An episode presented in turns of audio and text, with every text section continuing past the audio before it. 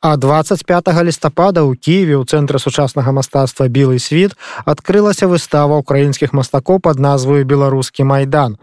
На ёй прадстаўленыя працы 13 украінскіх мастакоў, якія праз мастацкія вобразы рэфлексуюць на падзеі, што распачаліся ў Беларусі ўлетку 2020 года, а таксама параўноўваюць іх з тым, што было ва ўкраіне ў 2013 і 2014.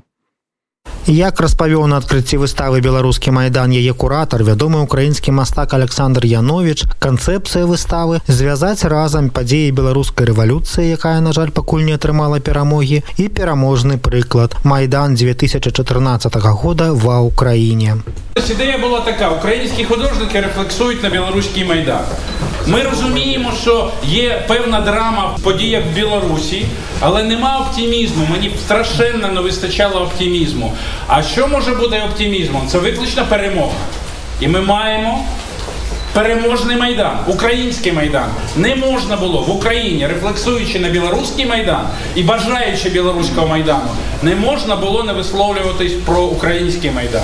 Першапачаткова паводле словаў Александра Яновича ідэю такой выставы падтрымаў мастак Андрей Залынскі. Пазней да праекту далучыліся Сергей Захараў, Дмытро Каламойцаў, Расціслав Лужэцкі, Олег і Надзея Цістал, Мікола Мацэнка. І гэтым колам вырашана было распачаць працу над цыклам мастацкіх твораў, якія тычацца беларускай рэвалюцыі. Але потым паводле слова Александра Яновича ён пачаў адчуваць, што выстава атрымліваецца за дужа песімістычнаю. Ён кажа, што яму не хапала надзеі найлепшае і так такую надзею ён вырашыў даць у прыкладзе пераможнага майдану які адбыўся ва ўкраіне ў 2014 годзе тады да працы над выставай далучыліся матвій вайсберг уладзіслав шырышэўскі андрей катлярчук василь татарскі алена клачко Дырэктарка цэнтра сучаснага мастацтва белый світ Тамара Янович прызналася, што пасля падзея ў Беларусе, параўноўваючы іх з тым, што адбывалася ва ўкраіне ў 2014 годзе, яна разумее, што перамога мірнай рэвалюцыі, як гэта хацелі зрабіць беларусы ў 2020 немагчымая. Рік назад мы з великою надією і з біллю у серці спостерігали за майданом, який відбувався у Білорусі. Оці всі хвилі, оце все, що там відбувалося, ми пропускали крізь себе і ми порівнювали, як було в нас, як було в них. І от зараз у нас сім років Майдану, у них рік Майдану, і ми бачимо, що ми пішли зовсім різними шляхами. І не, не дивлячись на те, що вони казали, у нас не буде кровопролиття, ми зробимо все мирним шляхом, культурно. Ми тепер розуміємо, що саме наш шлях є правильним.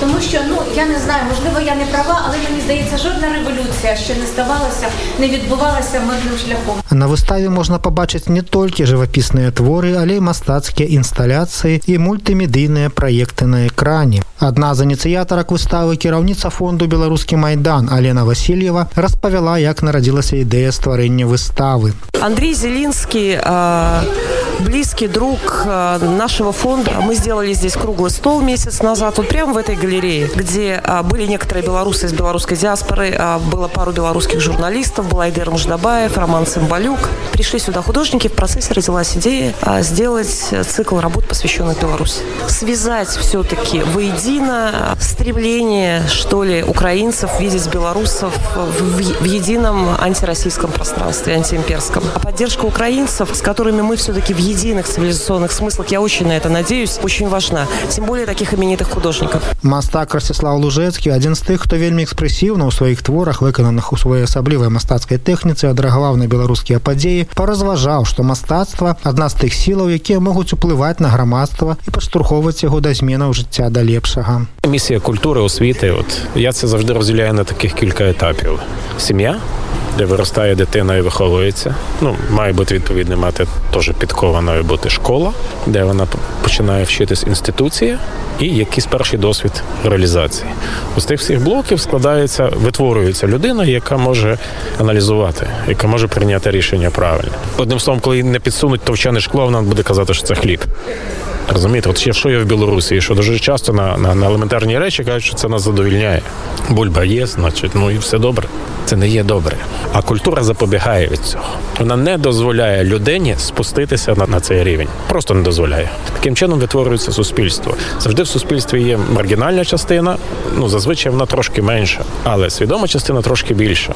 І таким чином суспільство тримається купи. Выстава беларускі майдан будзе дзейнічаць у цэнтры сучаснага мастацтва білый світ на вуліцы пушкінскай 21а у Киеве до 10 снежня. Світанак свободи.